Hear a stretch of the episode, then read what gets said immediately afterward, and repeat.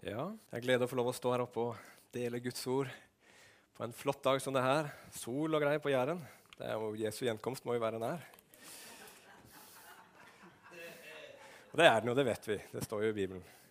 Nei, Det er en flott dag, og er veldig glad for at vi sitter her og skal få oppleve stråleglansen fra en som er mye større enn sola, vår frelser og Herre Jesus Kristus, når vi får høre Hans ord.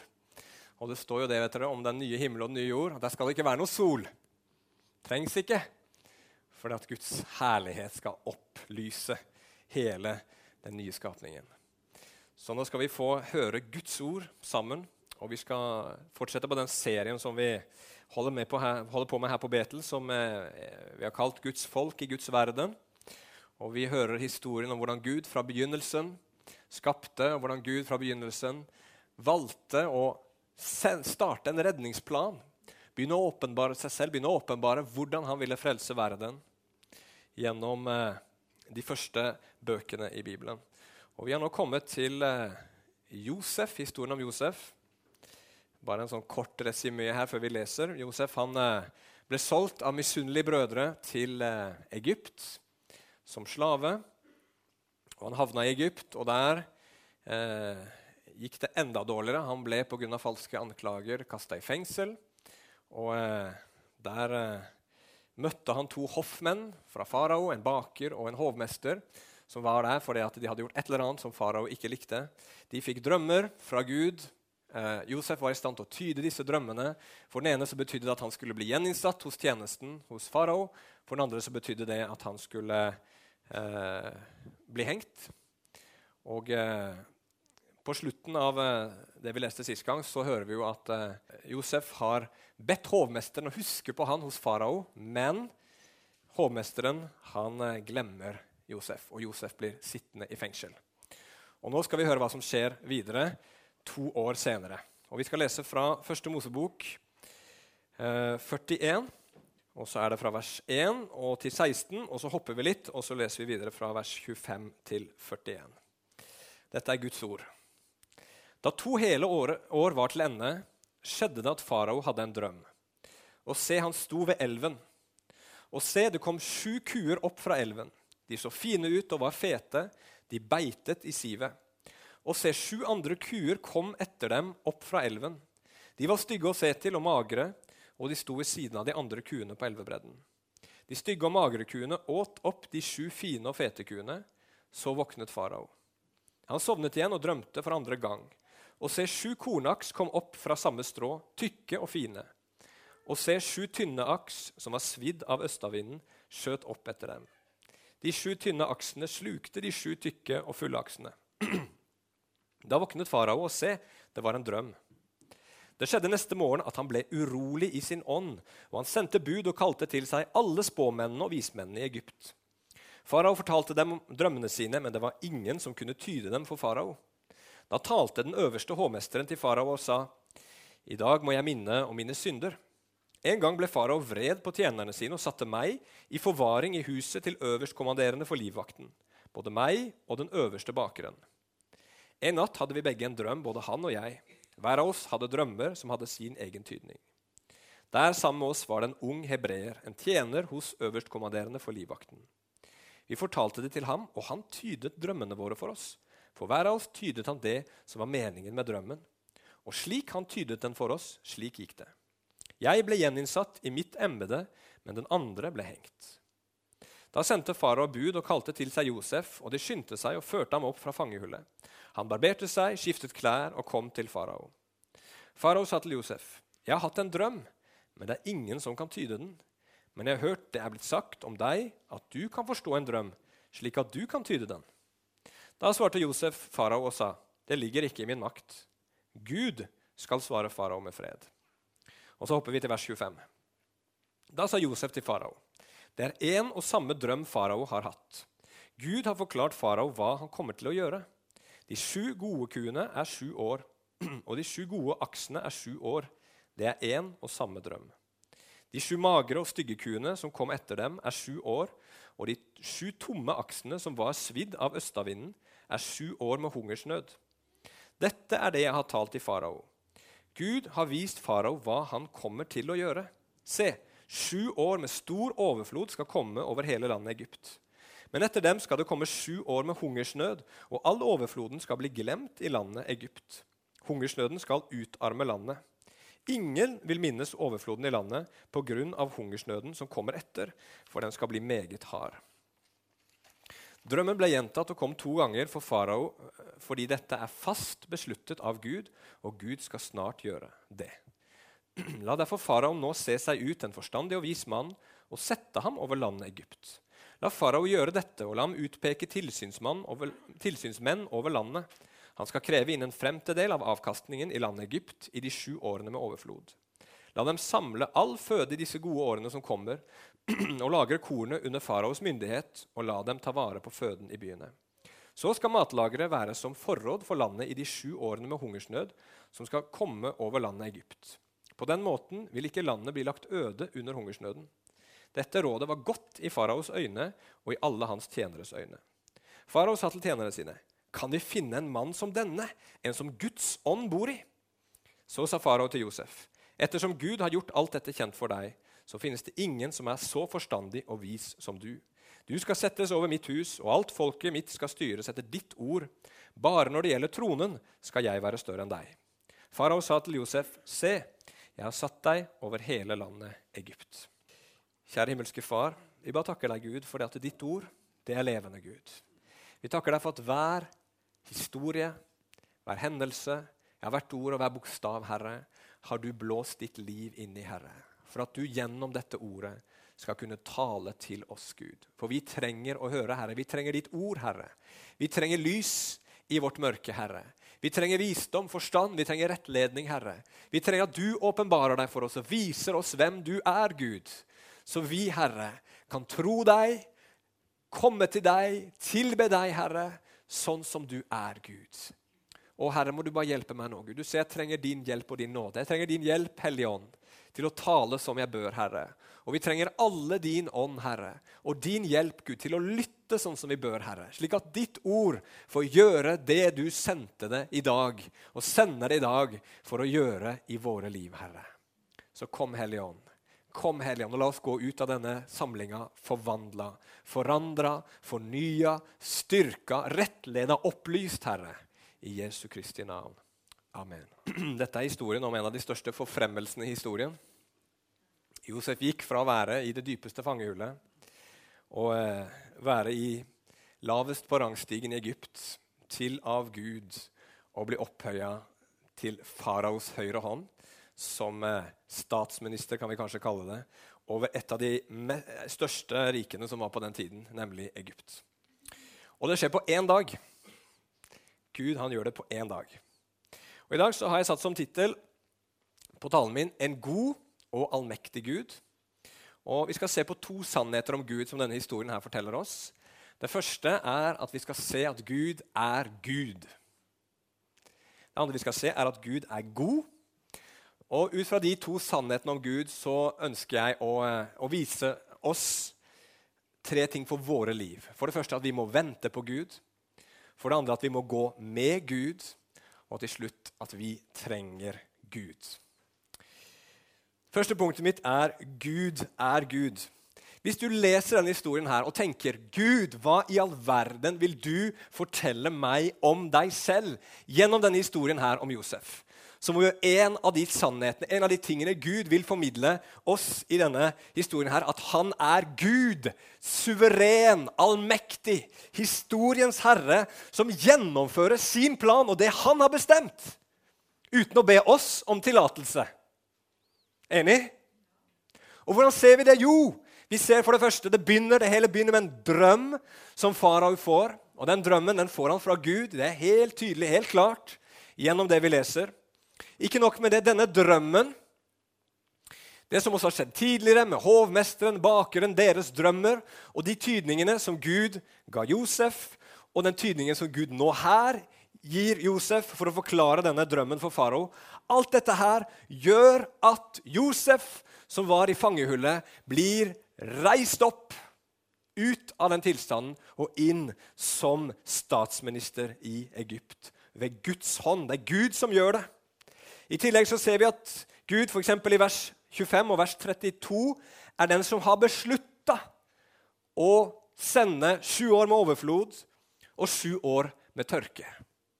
Og alt dette har Gud med sin suverene vilje bestemt seg for at han vil gjøre, gjøre kjent for farao. Her har vi Gud som er hovedpersonen i denne historien. Han handler, og han gjør det han vil, for han er historiens suverene, regjerende herre og konge. Og Det er en tanke vi ikke bare finner i denne historien, her, men som vi finner gjennom hele Bibelen. Jeg skal gi et par eksempler. Daniels bok 2, vers 20 og, eh, til 22. Der står det Daniel tok til orde og sa Lovet være Guds navn fra evighet til evighet, for visdommen og makten tilhører Han. Han skifter tider og årstider. Han fjerner konger og oppreiser konger. Han gir de vise visdom og de forstandige kunnskap. Han åpenbarer det dype og skjulte. Han vet hva som er i mørket. Hos ham bor lyset. Gud som reiser opp og Eh, og fjerner konger. Jeg synes Det er enda sterkere i 1. Samuel 2. Dette er Hanna, eh, hun som ikke kunne få barn, og som eh, etter en bønn til Gud får Samuel, som blir en stor profet. Og idet hun blir, føder sin sønn, så bryter hun ut i lovsang. En veldig herlig lovsang. Jeg skal ikke lese hele. Men fra vers 6 til vers 9 skal vi lese, og der står det om Guds allmakt og storhet. Der står det Herren slår i hjel og gjør levende. Han fører ned i dødsriket og fører opp igjen. Han gjør fattig og gjør rik. Han fornedrer og opphøyer. Han reiser den fattige opp fra støvet og løfter tiggeren fra askehaugen for å sette dem blant fyrster og la dem arve herlighetens trone. For jordens støtter hører Herren til, og han har satt den bebodde verden på dem. Han skal vokte sine helliges føtter, men de ugudelige skal føre sitt til taushet i mørket. For ikke noe menneske makter noe ved hjelp av egen styrke. Gud er Gud. Gud er suveren, allmektig. Og den tanken den har stått sterkt blant oss kristne gjennom historien. Men jeg tror at den både blant oss kristne og ellers har blitt svekka de siste 200 årene. Fordi vi har fått vitenskap, og vi har oppdaga veldig, veldig mange ting om denne skapte verden som vi er en del av. Og vi har lært oss å kontrollere den på en helt annen måte enn vi gjorde tidligere. Vi vet f.eks. nå at sykdom ofte er en konsekvens av bakterier eller virus. Vi vet at jordskjelv er noe som skjer når de tektoniske platene som det heter, som jordoverflaten består av, gnisser inntil hverandre. Vi vet at uh, lyn og torden og hagl det er forårsaka av spesielle atmosfæriske forhold. Vi vet at uh, historien kan forklares ut fra uh, forskjellige sånne historievitenskapelige prinsipper om hvordan kriger og folkevandringer og teknologisk ut utvikling og sånt finner sted. Vi har psykologi, vi har sosiologi, som kan fortelle oss noe om hvordan menneskets sinn fungerer, hvordan vi mennesker samspiller med hverandre. Vi forstår mye mer kanskje nå enn vi noen gang har gjort i menneskets historie. Og vi har også mer kontroll på virkeligheten vår nå enn det vi hadde tidligere. Og Det som skjer da, det er at vi mennesker blir større i våre egne øyne, og Gud blir mindre. Han blir liten. Og for noen i den tiden vi lever i nå, så er det, har forsvunnet helt. Du vet, å være ateist det er noe veldig rart. Det er ikke så mange som er ateister i verden i dag. Og opp gjennom historien har det ikke vært så veldig mange ateister heller. Men den Situasjonen vi har i Vesten i dag, gjør at mange mennesker til og med tror at det ikke fins en Gud. Og Det påvirker også oss kristne. Gud blir mindre for oss kristne enn jeg tror mange kristne før oss opplevde han som. Og vi blir større, og dermed så begrenser vi Gud på mange måter med tankene våre.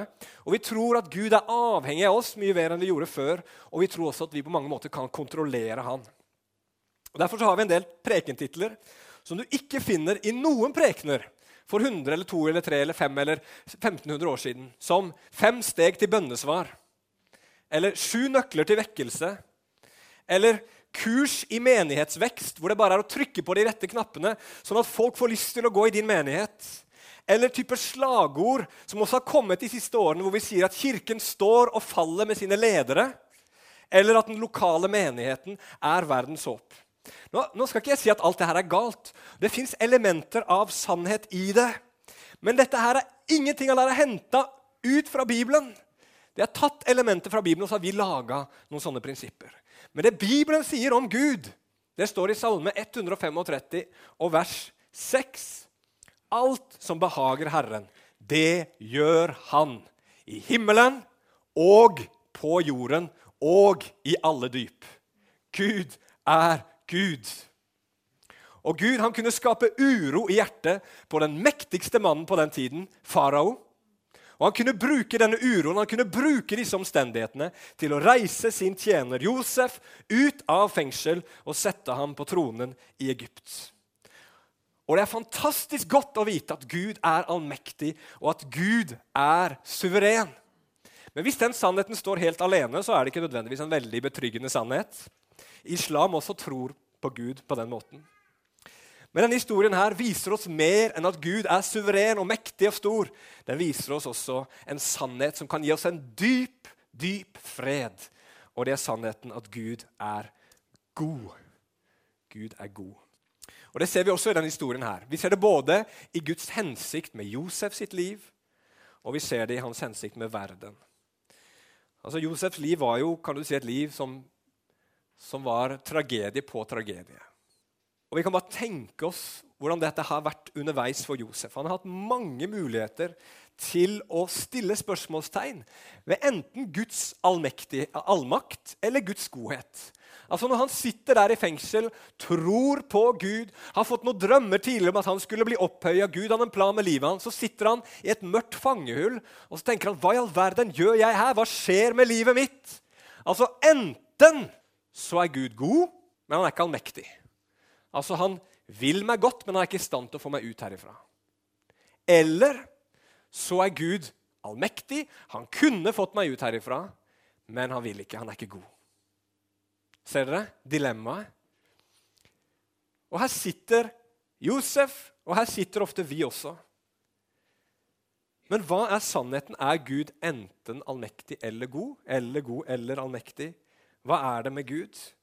Vel, etter 13 år i fengsel, eller ikke i fengsel, men i fangenskap som slave og så i fengsel, så blir Josefs liv totalt forandra. Og dermed så ser han de 13 årene i fangenskap og i fengsel i et helt annet lys. Vi ser det òg. Vi ser at alt det Josef har vært gjennom, var en forberedelse og en nødvendig vei for at han skulle komme dit hvor Gud ville ha ham. Guds plan for Josefs liv var ikke at han skulle ende opp i det fangehullet. Det var ikke der han ville ha han, men han hadde en plan med Josef, og den planen gikk gjennom det fangehullet for at Gud skulle få ham på den plassen og i den posisjonen som Gud hadde tenkt. Så her ser vi Guds godhet klart og tydelig i Josefs liv. Og ikke nok med det, vi ser også i denne historien her at Gud i sin godhet åpenbarer sannheten om denne overfloden og hungersnøden som skulle komme, nettopp fordi han ville redde verden fra hungersnød. Gud, han er god. Historien her forteller oss at Gud er god. Hele Bibelen forteller oss at Gud er god. Men så kan jo noen si her ja, men hallo, det var jo Gud som bestemte at det skulle bli hungersnød òg, da. Altså, Fint at han forteller at det skal bli hungersnød, så de kan gjøre noe med det, men det var jo han som fant på i utgangspunktet. står jo, Han bestemte. Det står fast. Gud har bestemt. Sånn skal det være. Hadde ikke Gud vært mye bedre om han hadde bare gitt de 14 år med overflod? da? Hadde ikke det vært mye bedre? Hadde ikke Gud vært en mye bedre Gud da? Vel, noen ganger når livet blir vanskelig, så kan vi finne en forklaring på hvorfor det ble sånn. Andre ganger vet vi ikke alltid. Vi ser ikke alltid Guds godhet midt i det vanskelige og vonde som skjer i livene våre. Og noen ganger så må vi bare ha tillit til Gud. Hvorfor var Gud leda ting på den måten? Hvorfor Gud styrte omstendighetene på den måten? Det er ikke alltid så lett å forstå, men vi kan stole på at Gud er god midt oppi det når det er vanskelig. Og jeg tror i for denne historien her, Hvorfor sender Gud denne hungersnøden over Egypt? Jo, fordi i Egypt, som var et, et land som levde av jordbruk, slik de fleste land gjorde på den tiden, så var Nilen kjempeviktig. Nilen er en gigantisk elv som renner gjennom hele Egypt, og som vanner hele landet, som ellers ville vært en enorm ørken hvis ikke. Og denne elva den var så viktig for egypterne at de hadde, som vi mennesker begynner, fort gjør med viktige ting, de hadde begynt å tilbe elva Nilen. Nilen var en gud. En falsk gud, en gud som ikke kunne frelse, en gud som ikke kunne redde, men som like fullt ble tilbedt i Egypt av egypterne. Og hva gjør Gud i sin godhet når vi har funnet falske guder i våre liv, som vi klynger oss til og tilber og tror skal gi oss det vi trenger? Hva gjør Gud da? Jo, i sin godhet så avslører han de falske gudene i våre liv. Og nettopp det er det Gud gjør med egypterne her. Han sender en hungersnød som ikke Nilen kan hjelpe dem med. Nilen kan ikke frelse Egypt fra den hungersnøden, men Gud kan. Og Gud gjør det gjennom sin tjener Josef. Så uansett så er det veldig viktig når vi kommer inn i vanskeligheter, å stole på Guds godhet. Om vi ser det eller ikke, så må vi bare holde fast på den sannheten at Gud er både allmektig og god. Da kan vi få mot og håp og styrke midt i det vi går igjennom. Vi har hørt om Sigmund Freud her psykoanalysens far. Han var liksom en av de viktige personene i begynnelsen av, eh, av 1900-tallet eh, som var med på å avkristne Vesten. Marx er en annen, og Nietzsche var en annen. Og Han hadde en del radikale tanker om mennesket. Og Han var en ateist, og han fremma ateismen sin veldig tydelig og veldig klart. Og, og opplevde at veldig mange mennesker mista troen liksom, i hans tjeneste. Og En av de tingene som han bemerka, det var at han merka at når mennesker slutta å tro på Gud, så utvikla de mye mer nevroser. Altså det vil si, hva det han kalte det, vil si depresjon, angst, lidelser. Eh, forskjellige sånne typiske ting som eh, problemer av psykologisk eller psykisk art. Da. Og det er kanskje ikke så veldig vanskelig å forstå. Hvis det ikke fins en Gud i dette kaoset som vi kaller livet. Hvis det ikke fins en Gud som er stor, mektig og god, så fins det så mange elementer i vårt liv som ikke vi kan gjøre noen ting med. Som vi står helt maktesløse overfor, og som plutselig dermed skaper depresjon og angst og negative følelser i oss. F.eks. For fortiden din. Kan du gjøre noe med din fortid? Nei, du kan ikke det. Jeg skal ikke fortelle noe nytt og mystisk rart her nå. Du kan ikke gjøre noe med din fortid. Den er som den er. Men problemet er jo det at vi har gjort en del ting vi lurer på om var lurt i vår fortid. Har vi ikke det? Burde jeg ha gjort det? Skulle jeg ha gjort sånn? Og så kan den kverna gå her oppe. sant? Skulle jeg tatt det valget? Var det riktig i den situasjonen? Du sitter nå med konsekvenser og tenker burde jeg gjort det annerledes? Eller du kan ha andre ting hvor du gjorde et eller annet og tenker jeg skulle jo aldri ha gjort det. Hvorfor gjorde jeg det? Sant? Hvor mange har vært der? Alle sammen har vært der. Må dere være ærlige her. Hvorfor gjorde jeg det? Og vi tenker, og det preger oss. Og det skaper tvil, og det skaper anger i vårt liv. Og det kan skape depresjon og angst og alt mulig. Vi har også en framtid som vi kan gjøre veldig lite med. Det kan fylle oss med bekymring, med frykt. Hva hvis det skjer? ikke sant? Hva med det, og hva med det? Og så har vi liksom prøver vi så godt vi kan å kontrollere og manipulere denne framtiden vår. Men vi har ikke kontroll. Og så har vi livet vårt her og nå. Ikke sant? Hvorfor er livet mitt sånn? Hvorfor ble mitt liv sånn som det er nå? Det var ikke sånn det skulle være. Sikkert ingen, ingen her som har tenkt det noen gang. Men det hender mennesker gjør det hvis livet liksom blir litt skuffende.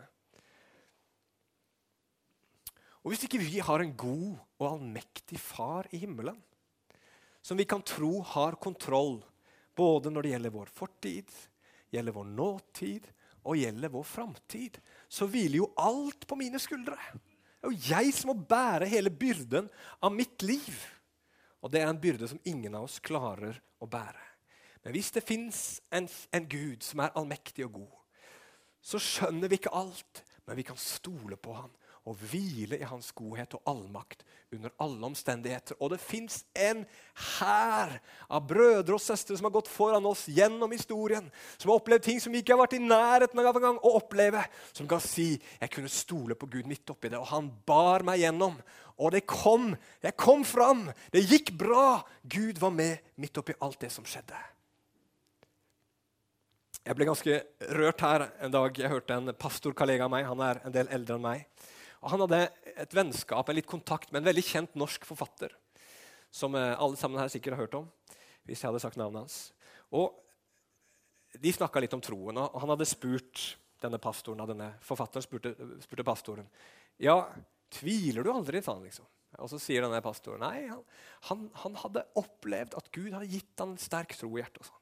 Så sier denne kjente norske forfatteren, som ikke var kristen, eller noen ting, så sa han jeg misunner deg. Jeg skulle ønske jeg også så sa han det på en veldig spesiell måte, jeg skulle ønske jeg også kunne få lov å hvile trygt i Guds skipperhånd av en neve. sa han.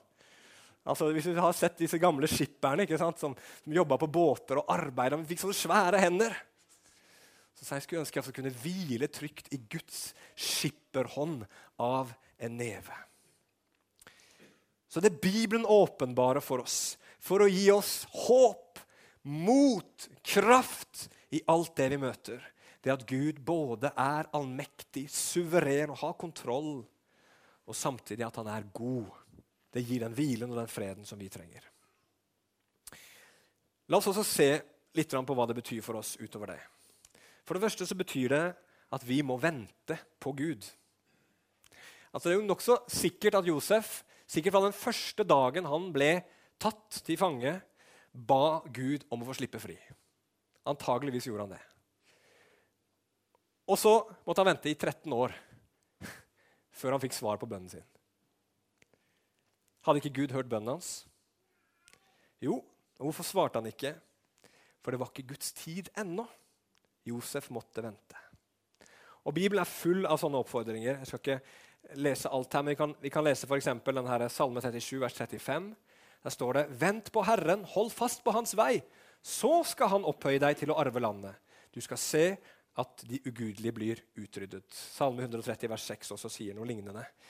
Hvis Gud er god og allmektig, så betyr det at vi noen ganger må vente. Og det er jo litt vanskelig for oss som lever i en kultur hvor vi vil ha ting raskt, og vi vil ha ting enkelt. Men Gud han er ikke en fastfood-gud eller liksom instant-gud. Han er bare Gud. Og noen ganger så er ikke hans timeplan den vi skulle ønske den var. Og mange av dere ber for mennesker. Mange av dere ønsker å komme ut kanskje av en vanskelig personlig situasjon, se forandring. Her på Betel så ønsker vi å se vekkelse i landet vårt, her på stedet, på Jæren. Men vet dere hva det betyr? Hvis Gud er god og mektig, så betyr det at noen ganger så må vi vente. Vi må vente på Guds timing. Og hva gjør vi da? Skal vi sitte og tvinne tommeltotter, ligge på sofaen og se på TV? Nei, når Bibelen snakker om det å vente, så snakker den om det å be. Vi ber og vi venter. Og vi har ro og vi har tro. Og vi mister ikke motet. Og vi blir ikke sinte eller frustrerte. Eller Ok, Vi mister motet noen ganger, og noen ganger så blir vi sinte og frustrerte. Men nettopp derfor så kan vi komme og be. Og så gir Gud oss tro, så gir Gud oss mot. Så tar Gud bort frustrasjonen. Så hjelper Gud oss til å se litt høyere, til å se litt lenger enn det vi ser akkurat nå. For Hvis vi skal gå etter det synlige, så blir vi, så, så blir vi slått ned med en gang. Hvis vi skal følge Jesus. Men nettopp i bønnen så kan vi vandre i tro, ikke etter det synlige, men etter det usynlige. Vi venter. Vi ber, og vi venter på Guds timing. Samtidig så ser vi historien her om Josef at Gud ikke er ute etter at vi skal være passive. Vi må også handle med han. Josef han er ingen fatalist. Han, han, han, forteller ikke om at det skal komme sju år med overflod og sju år med hungersnød. Og så sier han ja, ja, sånn har Gud bestemt det. Det er ikke noe å gjøre med det. Vi må bare, liksom, vi må bare ta det som det kommer. Nei! Josef han eh, bestemmer seg, eller han kommer med tips om at her kan det handles. Her er det noe vi må gjøre. Han bruker det Gud har sagt, og så handler han på det som Gud har sagt. Vi må handle. Og det, fra, fra, handlingen til Josef så leser vi videre at hele Egypt ble redda. Og Hva med ditt liv, da? Hva er det Gud har åpenbart for deg? Hvordan kan du vite hvordan du kan handle med Gud når ting ikke skjer sånn som du har tenkt? Når du står opp i vanskeligheter, eller Gud forteller deg noe? Jo, Bibelen. Jeg fikk et ord fra Gud her til dere. Jeg vet det er noen her som ber for ektemennene sine. at de skal bli frelst. Hva er ordet fra Gud? Hvordan skal du handle da? Jo, det står dere koner skal på samme måten 1. Peter 3,1, dere koner skal på samme måten underordne deres egne menn, for at de, selv om de ikke lyder ordet, kan bli vunnet uten ord ved sine koners livsførsel, når de legger merke til deres rene verd i frykt. Og så er det andre også kanskje som har familie, venner, naboer, noen vi vil skal bli frelst. Og så sier Bibelen i Romerne 10, vers 17, så kommer da troen av det en hører, og det en hører, kommer ved Guds ord. Hvis mennesker rundt oss skal bli frelst, ja, men da må vi på en eller annen måte utsette dem for evangeliet. Sant? Mens hvis det er ektefellen din, så sier Gud nei, her kan det være lurt å ikke bruke for mye ord. Men vi handler fra Gud har vist åpenbart fortalt oss. Og så sitter vi ikke bare passive og venter, men vi gjør noe ut ifra det Gud har sagt. Og Bibelen er veldig tydelig og sier følgende i Jakob 1,22.: Men vær ordets gjørere, og ikke bare hørere som bedrar seg sjøl. At vi venter på Gud, betyr ikke at vi setter oss i godstolen og drikker kaffe og spiser kake. Det betyr at vi ber, og at vi gjør ut ifra det Gud har vist oss at vi skal gjøre. Akkurat slik som Josef gjør det. Og Da kan vi unngå både liksom fatalismen Det som skjer, det skjer. Jeg kan ikke si deg mer. ikke sant? Og samtidig unngår vi den der aktivismen. 'Å, jeg må gjøre noe, vi må gjøre noe, vi må gjøre noe!' vi må gjøre noe, Det skjer ingenting! Ikke sant? Og Da ender vi ikke i apati. Åh, vi gidder ikke gjøre, vi trenger ikke gjøre noe. Og heller ikke stress. sant? Så får du ikke luft til å puste inn eller ut eller noen ting til slutt. Vi gjør begge deler. Vi både venter og vi handler. Og Da er det så viktig å vite noen ganger så er det tid bare for å vente. Ikke bli frustrert og stressa. Andre ganger er det tid for å handle, og da trenger vi Guds visdom ifra Hans ord, og vi trenger Guds visdom ifra Hans ånd. Men la meg avslutte her nå. Jeg ser jeg har holdt på en liten stund. Siste punktet mitt er at vi trenger Gud. Og denne historien her, som på en mektig måte synes jeg, både åpenbarer Guds allmakt og hans godhet, forteller oss at vi trenger Gud. Ikke bare i, i, i, de vanskelige, krevende sesongene av vårt liv, men på en grunnleggende og mye dypere måte enn denne her historien forteller om, men som denne historien her allikevel peker på. For når du hører historien om jo Josef, om en mann som ble forkasta av sine egne. Ble solgt for sølvpenger. Som ble kasta i det dypeste mørket pga. falske anklager. Men Josef, en mann som Gud reiste opp ifra dypet med den hensikt å opphøye han og frelse sitt eget folk og en hel verden gjennom han. Hvem tenker du på da? Han begynner på J, han også. Denne historien her peker på en som er større enn Josef. På Jesus. En som gikk til et større dyp for å bringe oss en større frelse. Dette her er en forløper for det vi kaller for evangeliet. Hva er evangeliet? Evangeliet, det betyr de gode nyhetene. Alle religioner gir oss gode råd. Gjør sånn, lev sånn, så skal du få fred. Så skal du få et liv etter døden. Så skal ting bli ok her eller i, eh, i evigheten. Men vår tro skiller seg ut. Vår tro er ikke gode råd, men det er gode nyheter. Det handler ikke om hva du og jeg trenger eller skal eller må gjøre, men det handler om hva Gud har gjort en gang for alle. For det du og jeg, vi er i trøbbel. Vi har problemer. Vi har vendt Gud ryggen. Vi har skilt oss fra Han gjennom vår synd, og vi har en gnagende sult på innsiden som vi forsøker å fylle gjennom å tilbe og elske det skapte istedenfor skaperen, sånn som Bibelen sier.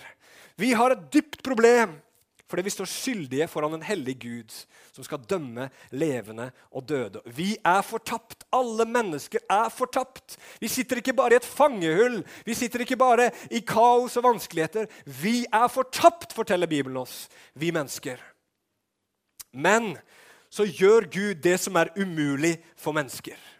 Han la all vår synd og all vår syndighet på Jesus på Golgata for 2000 år siden. Det står at han smakte døden for oss at han for ned til dødsrikets mørke. og så reiste Gud han opp fra de døde. Og han har satt seg ved Gud Faders høyre hånd i himmelen som frelserkonge for absolutt alle mennesker. Og Derfor så har vi løsningen på alle menneskers problemer oppsummert i ett eneste ord. Og det ordet er Jesus. Jesus. Når mennesker lider, når livet deres ikke fungerer, når relasjoner i ekteskap, familie går i stykker, når vi er tomme og uthula på innsiden, når vi er underlagt krefter som vi ikke rår med, når vi kjenner på skyld og skam, hva gjør vi da? Hva skal vi kristne gjøre da? Hva er Guds budskap til oss da? Jo, han sier, han vil at vi skal si det samme som farao sa. For det gikk noen år. Det var sju år med overflod. Og så kom de sju årene med hungersnød. Og Josef han hadde jobba, han hadde samla inn korn i overflod. Og så begynner hungersnøden å komme, og folket kommer til far og spør hva, hva, hva gjør vi nå. Da står det i 1. Mosebok 41, vers 55. Da hele landet Egypt hadde hungersnød, ropte folket til farao om brød. Da sa farao til alle egypterne, 'Gå til Josef!' Det han sier dere, skal dere gjøre. Hva sier vi? Vi sier 'gå til Jesus'. Det han sier til dere, det skal dere gjøre. Du vet, Vi som kristne vi møter, eller alle mennesker møter på så mange problemer. Menneskene rundt deg har det ikke godt veldig mange ganger. Og Så prøver vi å hjelpe dem, og så vil vi være en god venn. Og så vil vi si det rette ordet i den rette tid, og så vil vi hjelpe på forskjellige måter. Og det er vel og bra, men du må bare innse, det må vi alle sammen innse, at vi kan ikke fundamentalt sett hjelpe dem. Vi skal være der. Det er ikke det jeg mener. Men til syvende og sist så må vi også si dette som farao sa. Gå til Jesus! Det han sier, det skal du gjøre. Og hva sa Jesus? Jo, Han gikk rundt her på jorda, så ropte han ut sa, Himmelens rike er kommet nær. Omvend dere og tro på evangeliet. Omvend dere! Vend dere bort fra synd. Vend dere bort fra selvrettferdighet. Vend dere bort fra selvmedlidenhet. Vend dere bort fra, fra, fra ondskap og egoisme, selvopptatthet, mørke. Lystne deres. Vend dere bort fra alt sammen, og vend dere på meg og tro på de gode nyhetene. Tro at det jeg har gjort, holder. Tro at den jeg er, er nok. Tro at mitt verk er alt du trenger til liv og død her nede og i evigheten. Jesus er den eneste som kan frelse oss og stille den hungersnøden som er på innsiden av alle menneskers hjerter. Kan alle mennesker bli frelst? Kan alle mennesker bli frelst? Fins det håp for alle mennesker? Ja! Det kan vi få lov å si så frimodig, for det handler ikke om oss. Det handler ikke om at Guds menighet er verdens håp. Selv om vi kan godt bringe håpet ut. Men det er ikke vi som er håpet. Det er Jesus som er håpet. Han har allerede gjort det. Derfor er det håp for alle mennesker. Derfor er det håp for deg. Derfor er det håp for meg. Nå roper jeg mye her, altså. Men jeg, jeg, jeg klarte ikke å la være. Kan alle bli fylt med Den hellige ånd? Kan alle erfare Guds kraft i sitt liv? Kan du som har blitt en kristen, få mer av Gud, få erfare det Bibelen snakker om, bli fylt med Ånden? Ja, av samme årsak. Hvorfor det? For det har ikke med deg å gjøre. Det er ikke sånn at Gud går og sjekker oss og ser har han blitt en god nok kristen nå til at jeg kan gi han litt mer av Den hellige ånd. Liksom, er han snill nok nå? Er hun, er hun, har hun slutta med den baksnakkinga si? sånn at, det, at, nå kan jeg liksom gi litt mer? Nei. Vi kommer til Gud og får alt det han har, på grunnlag av Jesus og det han har gjort. Det er evangeliet. Det er ikke gode råd. Det er ikke sju steg til hvordan du kan bli fylt med en hellig ånd, eller sju steg til hvordan du kan bli mer helliggjort. Det handler om Jesus. Å bli mer og mer opptatt av han. Se mer og mer at han er alt vi trenger. Bygge livet sitt mer og mer på han. Da kan du få erfare ånden. Du kommer til Gud, tar imot Den hellige ånd på grunnlag av det Jesus har gjort. Punktum. Ikke noe annet. Det er Jesu rensende offer på Golgata. Så Gud han er allmektig og god. Vi er svake syndere. Gud er allmektig og god. Vi er svake syndere. Derfor trenger vi han, og han er her. Og vi kan komme til han. I Jesu Kristi navn. Amen.